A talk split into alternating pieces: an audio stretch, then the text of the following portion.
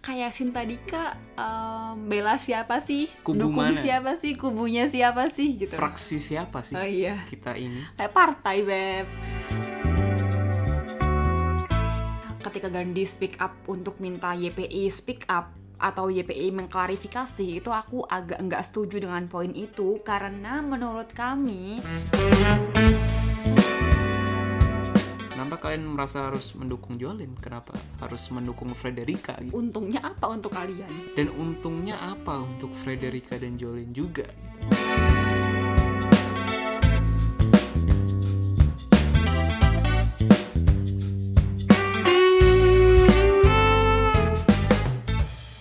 Yo, Halo Dika.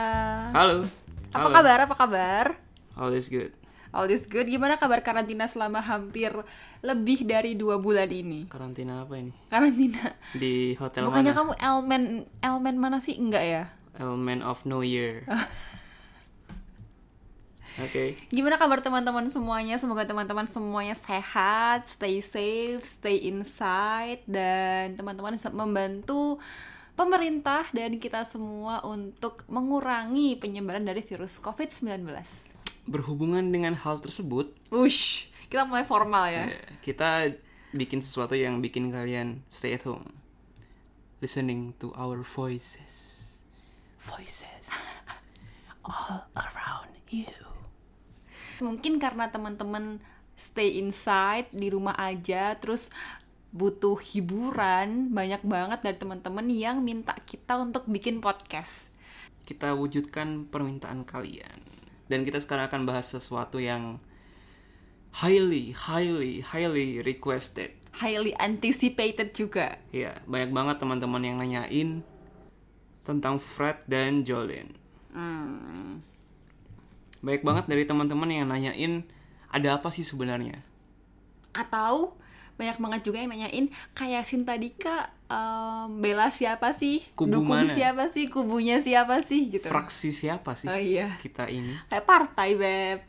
Nah, teman-teman, ini adalah episode kedua kita di tahun 2020, ya Iya, sih? untuk season 2 podcast Pageant 101 by Yasin Tadika. Eh, mungkin kalian dengar podcast ini di dari YouTube atau dari podcast. Doesn't matter, kita taruh di dua-duanya karena kalian mungkin punya preferensi yang beda-beda. Dan kalau kalian baru di sini, kita udah bikin recap untuk season pertama podcastnya di video YouTube sebelumnya. Check that out. And welcome to the discussion. We just want to make it clear kalau kita bikin episode ini sebenarnya bukan untuk fokusly bahas Dramanya, drama gosipnya. ini, gosip ini doang gitu. But bahwa drama ini tuh terjadi berkali-kali kepada orang yang berbeda-beda di tahun yang berbeda, it happening all over again dan kita merasa ini bukan sesuatu yang oke untuk dipertahankan terjadi berkali-kali. Mm-mm, betul.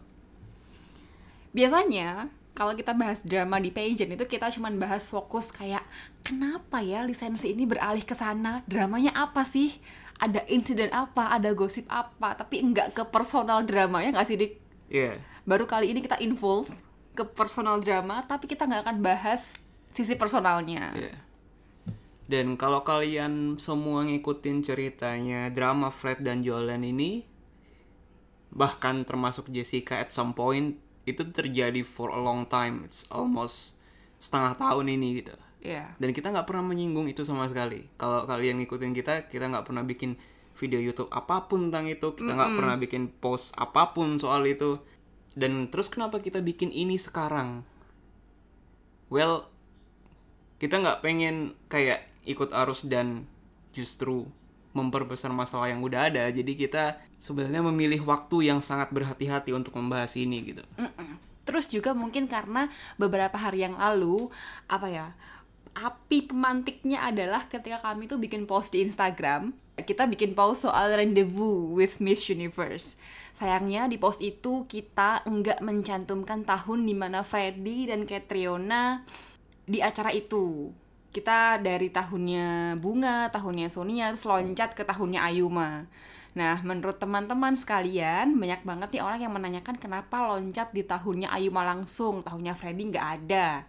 Hayo, kamu bala-balanya Jolin ya? Kayak gitu, banyak banget yang nanyain kayak gitu. Meanwhile, yang terjadi sebenarnya adalah kita sudah nyari foto untuk post itu foto Freddy dan Catriona tapi bahkan di um, Facebooknya Putri Indonesia itu susah banget dicarinya dan kalau kita download di Instagram maksudnya kurang Jelek itu ya, gambarnya ya. kualitinya kurang oke Tapi ya Jadi- itu yang kita temui ya, kita susah nemuinnya. Kalau teman-teman ternyata nemu gitu, ya kita kan nggak tahu. Saat kita membuat post ini dan mencoba mencari foto tersebut, kita nggak nemu gitu. Jadi betul. makanya akhirnya foto itu nggak ada di slide-nya. Mm-mm. Toh sebenarnya nuans dari post itu adalah hanya untuk mengingatkan betapa serunya sih acara itu. Iya. Enggak untuk menuju ke satu orang atau satu batch tertentu gitu, enggak. So dari situ banyak teman-teman nanyain, wah ada apa nih kita dengan apakah kita ikut andil dalam drama ini? Apakah kita memihak satu kubu? But the answer is no. Sama sekali kita tidak ada maksud ke sana. Betul. Dan kemudian drama ini terekskalasi, apa ya? Ya, terekskalasi. Apinya disiram bensin gitu. Oleh sebuah postingan dari Gandhi Fernando. Dan pasti teman-teman juga tahu, eh, waktu itu Gandhi ikut speak up karena menurut dia Ini sudah mengganggu kenyamanan publik. mengganggu kenyamanan publik dan kenyamanan dan kenyamanan dia juga karena banyak orang pelaku pageant, PL yang nanyain ke Gandhi secara pribadi, ini ada apa sih? Ada apa? Ada apa? Ada apa? Kamu kubunya siapa? Uh, uh, dan with all due respect kita juga paham Gandhi pasti Gerah. ter- iya gerah terganggu kayak ini urusan siapa? Ini masalah siapa? Kenapa gua yang ribet gitu kan? At some point kita juga merasakan hal yang sama tapi mungkin tidak se Nggak sebanyak Gandhi, tidak se, volumenya. uh, tidak seterganggu Gandhi gitu ya kan. Selain Gandhi Fernando, Gandhi Fernando juga seorang pelaku pageant ya kan. Ada juga uh, pelaku pageant lain yang ikut speak up kayak Rachel Chloe, Putri Indonesia Kalimantan Utara dan juga Olivia Lenarta, Putri Indonesia Kalimantan Barat. Nah, dari hal-hal ini kita ada beberapa yang ingin didiskusikan, kita obrolin di sini bareng-bareng. Oke? Um, sebenarnya kok dari aku pribadi sih ketika Gandhi speak up untuk minta YPI speak up atau YPI mengklarifikasi itu aku agak nggak setuju dengan poin itu karena menurut kami YPI itu nggak perlu memberikan klarifikasi karena again ini kan drama terjadi antara personalnya putri-putri YPI atau ini terjadi antara personalnya Fred dan Jolin. Dan mungkin ya Jessica at some point. Tapi kan mereka itu bertengkar secara pribadi. Kebetulan aja mereka adalah putri Indonesia di bawah naungan YPI jadi menurut kami YPI itu nggak ada hubungannya langsung dengan drama ini. Ketika Gandhi minta teman ah, ketika teman-teman PL minta YPI untuk speak up atau memberikan klarifikasi kami mempertanyakan apa yang harus diklarifikasi oleh YPI kan nggak ada. Mhm. ya kan? Yes. ini kan drama antara mereka pribadi. Again ini drama pribadi bukan dramanya YPI kalau emang YPI maunya klarifikasi apa yang mau diklarifikasi? Klarifikasi bahwa mereka salah milih top 3 Kan enggak. kan enggak atau klarifikasi karena mereka salah nge-treat putrinya. Kan kan, enggak enggak juga, Kalau misalnya eh, mungkin kayak permasalahannya Nadia Purwoko dengan Miss Grand Indonesia waktu itu yang hadiahnya nggak dapet dan segala kontraknya bermasalah itu drama yang terjadi dan harus diklarifikasi oleh organisasinya. Betul. Apa Dharma Gantari ya kan? Itu harus turun tangan klarifikasi but in this case yang berantem tuh personal putri sama putrinya. Mereka berantem ya udah yang klarifikasi. Kalau emang harus ada yang diklarifikasikan adalah mereka sendiri. Betul. So in this case YPI tidak punya hak untuk klarifikasi apa pun juga. Tid- ya tidak ada hal yang bisa dia klarifikasi juga Iya. Kalaupun ada yang YPI bisa lakukan ya mengingatkan putri-putrinya jangan berantem dong gitu. Kayak apa kayak itu bisa. Tapi kalau klarifikasi no. Itu menurut kami ya. Mm-mm. Lagian nih ya, kalau menurut aku, kalau memang YPI mau klarifikasi, pasti ada aja orang yang menilai klarifikasinya terlalu memihak, Iya. klarifikasinya terlalu bobot berat ke sebelah kubu, pasti kayak gitu, pasti ada. Iya, dan Jadi menambah masalah. Dan kalau klarifikasinya itu dilakukan sama orang lain, itu sangat-sangat tidak mature, sangat-sangat tidak dewasa bagi Jolen dan Fred atau mungkin Jessica juga yang ikut dalam whatever this drama gitu. Kayak betul. kenapa lu yang punya masalah orang lain yang ngomong gitu? Mm-mm. Kan aneh. So kalau emang ada klarifikasi kita sangat highly highly support kalau itu berasal dari Fred, Jolin atau pihak-pihak yang berhubungan langsung. Ya. Nah, satu hal lagi yang YPI mungkin bisa lakukan itu mungkin dia jadi jembatan ya, jadi mediasi, Iya, mediasi, mediator. Medium, Iya. kayak kesurupan, medium gitu pokoknya dari mereka uh, ngobrol, rekonsiliasi, chat-chat yang beredar, ya kan? DM DM yang beredar. Gitu itu mungkin JP bisa lakuin. Ngomongin soal DM kita memang sangat menyayangkan juga sih langkah-langkah yang diambil oleh pelaku pageantnya dalam hal ini Fred, Jolen dan Jessica mungkin kita dengar Jolen personally balesin DM DM juga kan which is unnecessary banget sih menurut Iya. kami Tapi ya udahlah, itu kan drama di masa lalu. Sekarang kita em, fokus bagaimana menyelesaikannya, ya nggak sih? yep Nah, poinnya yang akan kita tekankan di sini adalah bahwa menurut kami PL ataupun pendukung dari kubu mana pun harus tahu dan paham betul bahwa ini tuh masalahnya siapa sih? Siapa pihak yang bermasalah ya biarkan mereka yang menyelesaikan masalah gitu kan. Jangan kemudian bawa-bawa organisasi lain yep jangan bawa-bawa pihak lain untuk masuk dan ikut di masalah ini pihak yang nggak punya korelasi langsung misalnya YPI dalam hal ini ya menurut kami nggak perlu dibawa-bawa Mhm. karena mungkin aja YPI itu ada di tempat yang salah gitu nggak sih Iya. Eh, logika yang paling gampang misalnya nih kita berdua nih kita berdua kerja di Kementerian Keuangan terus kita berantem Mm-mm. Ya kan berantemnya bukan gara-gara pekerjaan Iya, kita berantem secara personal nih. Mm-mm. Ya kan kita berdua dari Kementerian Keuangan kita berantem secara personal. Emangnya Kementerian Keuangan, Menteri Keuangan Ibu Sri Mulyani harus turun tangan gitu? Mm-mm, bener Kasih tahu ke orang-orang kenapa kita berantem? Iya. Kan gak ada hubungannya coy sama sekali. Mau kita jadi direktur atau eselon 1, eselon 2 kalau berantemnya personal ya. Iya, nggak ada hubungannya. Beliau harus turun tangan untuk klarifikasi pertengkaran kita, for example. betul. Ya kan? Mm-mm. kayak gitu kira-kira. Dan mudah-mudahan teman-teman bisa relate itu dengan mungkin posisi kalian apabila ada di putri-putri ini. Gitu kira-kira. Dan kita sebagai PL juga harusnya bisa membiarkan YPI untuk fokus ke trio romansa. Bener banget.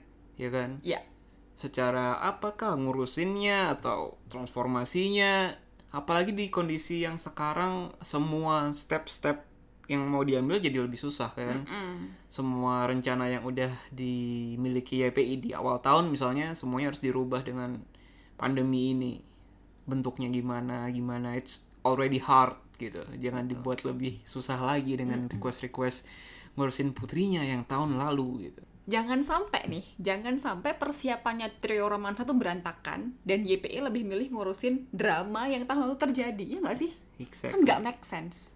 Dan lagi menurut kami dengan semua drama ini itu nutupin segala exposure bagus yang Seharusnya. seharusnya ada di trio romansa. bener. Misalnya eh, Ayuma melakukan sesuatu untuk explore dirinya selama karantin atau training apa jadi nggak kelihatan ketutupan drama.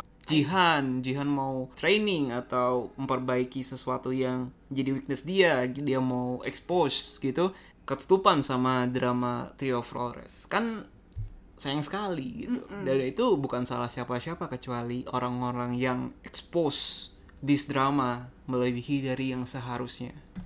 Betul. Poin kedua yang akan kita bicarakan adalah di tahun 2020 ini, setelah enam bulan drama ini berjalan, 6 bulan coy. 6 bulan setelah banyak fakta-fakta yang diungkap entah itu fakta entah itu rumor entah itu apa segala macem diungkapkan ke publik sebenarnya drama itu milik siapa apakah drama itu masih dramanya Fred versus Jolene versus Frederick versus Jessica atau ini drama untuk pendukungnya Fred dan juga pendukungnya Jolene itu yang mesti kita tekankan itu yang mesti kita pikirkan bersama ya nggak sih Iya. setelah berbulan-bulan drama ini muncul, berita yang dimunculkan pun udah macam-macam oleh kedua belah pendukung, kedua belah pihak. Udah nggak cuman berhubungan dengan putrinya, tapi juga berhubungan dengan keluarganya, kakaknya, adiknya, ayahnya, ibunya, apa segala macam. Mhm. bahkan kita sendiri udah lupa drama itu sebenarnya awalnya di mana sih core-nya ada di mana sih Dan yang paling penting lagi, hal-hal ini menutupi semua pencapaian Trio Forest. Like, right what are you doing, man? Sebagai PL tuh loh, you are a pageant lovers gitu. Ya kan? kamu kan pageant lovers tapi kenapa kamu lebih suka dramanya bukan pageantnya We need drama at some point. At some dose gitu, kita butuh drama gitu kan to keep things interesting. But this is Iya. too much gitu. Kita nggak menyalahkan PL secara keseluruhan ya jelas. Karena nggak semuanya kayak gitu. Tidak semua ikut memblow up ini itu mencari fakta ini itu menjatuhkan ini itu juga gitu. Tapi coba dipikirkan kembali gitu. Kenapa kalian merasa perlu mendukung salah satu? Kenapa kalian merasa harus mendukung Jolin? Kenapa harus mendukung Frederica gitu? untungnya apa untuk kalian Untungnya apa untuk kalian itu pertama. Dan untungnya apa untuk Frederica dan Jolin juga gitu. Mm-mm. Hal-hal seperti ini mempertahankan popularitas mereka. Mungkin iya, jadi kayak nama mereka bergaung lebih lama gitu. But is it In a bad way. Iya. Is it in a good way? No. Do you want it? It's weird if you want it gitu. Hmm. Aneh banget kalau kalian suka dengan keadaan ini gitu. yang juga kami sesalkan adalah setelah enam bulan berjalan ini kan dramanya dari queennya dari putri putrinya kan udah apa ya sudah kalem nih udah mereda gak ada yang speak up gitu kan tapi kenapa malah pendukungnya yang semakin menjadi-jadi Hmm, semakin menggali-gali hal yang aneh-aneh aneh-aneh gitu tentang keluarga, tentang apalah kebiasaan sampai hal-hal yang udah terjadi lama banget tiba-tiba diungkit lagi. Gitu. Mm-mm. Why gitu? bener But the point is, ya sebagai pageant lover, it's your hobby, it's your passion maybe even. Ya udah kita buat culture pageant di Indonesia itu yang kondusif juga gitu loh. Mm-mm. Kita kayak kemarin merasa wah pageant Indonesia udah mulai bagus nih, udah mulai matang, tiba-tiba take down dengan semua drama ini gitu sih. Kayak karena yang ngikutin pageant kita kan nggak cuma orang Indonesia. Kita sering banget ngelihat orang-orang Malaysia atau mungkin atau Singapura, mungkin- iya. ASEAN sih mostly ASEAN itu ngikutin juga apa yang terjadi dengan pageant kita. Terus beberapa youtuber luar negeri kayak Sierra Barcel, Iya. Birchel, Sierra itu juga sering bahas soal Iya. putri-putri Indonesia. YouTube YouTube youtuber youtuber pageant luar negeri juga sering mention pelaku pageant kita karena mereka tahu kita punya audiens yang bagus gitu ya kan. Mm, dan kita juga punya wakil yang bagus. What if mereka akhirnya membaca hal ini? Nama Indonesia yang jelek jatuhnya gitu. Mm-mm. Kayak kita pernah bilang sebelumnya Indonesia terkenal dengan orang-orang yang ramah dan segala macem ya kan attitude-nya bagus, sopan dan lain-lain. Kalau mereka tiba-tiba tahu hal-hal kayak gini itu normal di Indonesia, mereka akan mikir, oh berarti yang kemarin sopan dan attitude-nya bagus fake, Fake, gitu, ya. ya kan? Image-nya. Image-nya just for the show gitu. Ternyata mereka di negaranya seperti ini kan bisa aja. Mm-mm. And we don't want that. Betul. Kita nggak mau itu. Jadi kalau emang ada pelaku pageant yang berantem, ada pelaku pageant yang bermasalah, ya udah itu urusan mereka. Saran kami adalah stay away dari hal-hal negatif yang di kita nggak menguntungkan juga. Dan kalaupun emang mau ada yang ikut membantu support misalnya. Misalnya eh, Jolin kena sesuatu drama pribadi terus dia sedih sebagai PL kalian mau support ya udah DM aja. Nggak usah DM-nya di blow up ya kan keep it personal if you want to support then keep it personal gitu Betul. Biarkan mereka menyelesaikan masalah dengan cara mereka sendiri.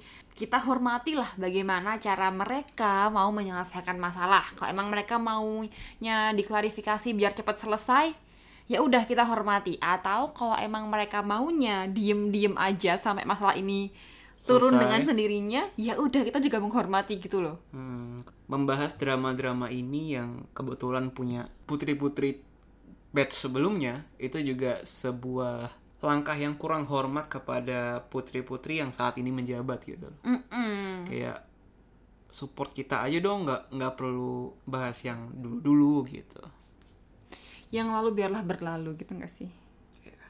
Sudah saatnya kita move on ke trio romansa, ya kan? Mm-mm.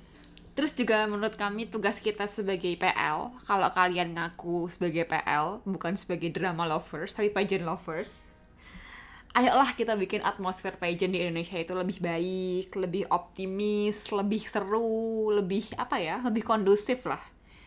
Biar nantinya mungkin kalau ada pelaku pageant yang mau daftar atau calon pelaku pageant mau daftar nggak takut sama PL-nya, ya Iya. kan? Karena ya namanya juga manusia, pasti dia punya masalah. Mm-mm. So maybe that's it. Dan enggak bosan-bosannya kita berdua mengingatkan teman-teman untuk selalu support whoever putri kita, muse kita ke ajang apa pun mau yang menurut kalian gede atau Major atau minor. minor is doesn't matter karena semuanya start dari kecil ke yang besar. Kalau mau langsung yang ke besar, Segala sesuatu yang cepat naik cepat turun juga beb. ya Iya. ya kan pokoknya intinya support semuanya dan mungkin kalian tidak paham seberapa powerful kalian sebagai pageant lovers gitu you are actually quite powerful kalian bisa bantu vote sampai mereka menang mereka kalian juga bisa membuat mereka semua drop dengan apa yang kalian lakukan so be careful keep your social media attitude in a good way gitu Betul, dan kami juga berharap semoga semoga ke depannya para pelaku pageant, para keluarga pelaku pageant, dan pageant loversnya bisa dewasa menghadapi apa pun. yep Betul. Juga ini juga demi kedamaian situasi pageant di Indonesia. Itu aja kali ya untuk podcast edisi kali ini. Episode berikutnya kita akan bahas tentang kenapa ya Ayuma dimenangkan oleh YPI secara lebih in depth. Oke, mungkin ini juga jadi episode pertama yang akan kita launch di podcast dan di YouTube sekalian. Karena eh, mungkin teman-teman lagi lebih pengen lihat di YouTube, ya kita kasih juga. It's gonna be long, but ya memang gitulah podcast biasanya. Tapi kalau kalian nggak perlu ngelihat gambarnya, misalnya kalian bisa dengerin di Spotify, di Apple Podcast, Apple Google Podcast, Podcast, Google Podcast, semua platform podcast besar yang kalian bisa temuin. Tinggal search Pageant 101 by Yasin Tadika. Betul, dan ya terima kasih banyak ya sudah mendengarkan dan menonton podcast ini. Semoga teman-teman mendapat insight-insight baru. Semoga teman-teman nggak bosen ngedengerin suara kita berdua doang. Dan jangan lupa subscribe di YouTube Yasin Tadika serta follow kami di Instagram di @yasintadika. Subscribe juga podcast ini di Pageant 101. Kita akan ketemu kalian di episode berikutnya. Bye. Bye!